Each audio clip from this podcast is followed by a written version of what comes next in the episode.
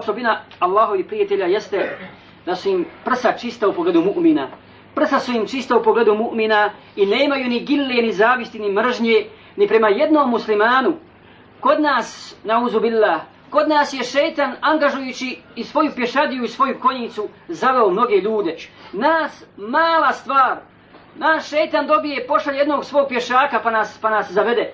Mala, mala stvar zavede braću, pa se zavade, pa nešto u prsima nikne, nikne mržnja neuzubila, zavidnost i tako dalje, a svaki dan klanjaju u istom safu.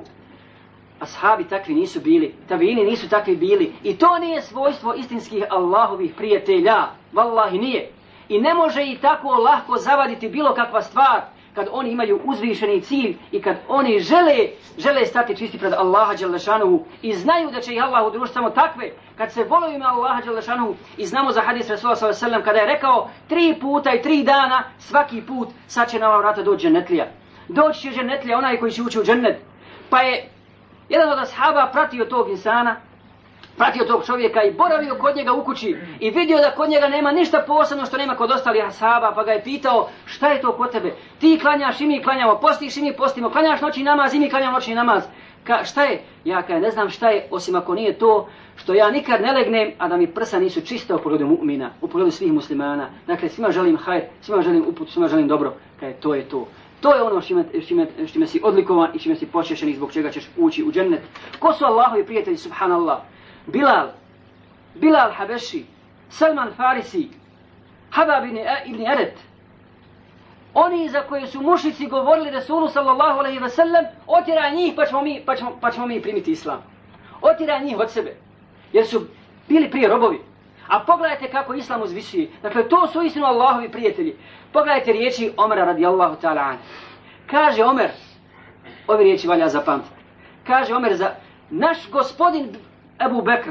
Naš gospodin Ebu Bekr oslobodio je našeg gospodina Bilala. Gospodin Bilal, vallahi, u islamu.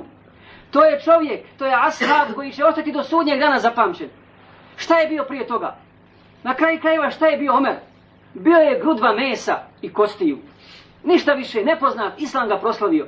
Kaže Resul sallallahu alaihi wa sallam, čuo sam, čuo sam bat nanula Bilalovih u džennetu. Bilalovih, ničih drugih. Pa je pitao Resul sallam Bilala, šta je to kod je Bilale, po čemu si to odlikovan, zašto te Allah nagradio time? Kaže, ja ne znam, Boži poslaniće, šta je ako nije to, nikada nisam, vallahi, uzeo abdesta da nisam klanio dva rekiata. Posle abdesta. Kaj, to je to. Mi smo govorili mnogo puta o Džalibibu, spominjali njegov slučaj. Ashab koji je, nećemo ga ovdje spominjati. Bio je siromašan, bio je loše vanjštine, bio je iz, iz, iz loše, lošeg porijekla. Ništa nije imao od onoga čime se ljudi diče na Dunjaluku. Ali je imao islam, imao je vallahi najveće bogatstvo. I ostao spomen na njega. I kad ga je našao Resul sallallahu alaihi sallam na bojištu, mrtvo, nije prespavao prvu noć sa svojom ženom koji je bio ženio, nego je otišao, odazvao se na, na zov džihada, želio je hurije, želio je džennet, rekao mi Resul sallallahu alaihi sallam, te će riječi ostati do sudnjeg dana i inša Allah bit će zajedno u džennetu. On sa poslanikom sallallahu alaihi sallam, rekao, ja sam od njega, on je od mene. Ja sam od njega, on je od mene. Pitali su Selmana, Farisiju, o Selmane, zašto nam nikad ne govoriš o svom porijeklu? Ko je tvoj otac? Kako ti je porijeklo? Kaže Selman, moj otac je Islam i moje porijeklo je najbolje porijeklo. Wallahi, nema boljeg porijeka, nema boljeg oca od Islama, makar ti bio, makar ti bio iz plemena Kajs ili Benu Temima. I wallahi, nema. Nema boljeg porijekla i nema, nema časnijeg porijekla od Islama, od imana s kojim se okiti jedan mu'min.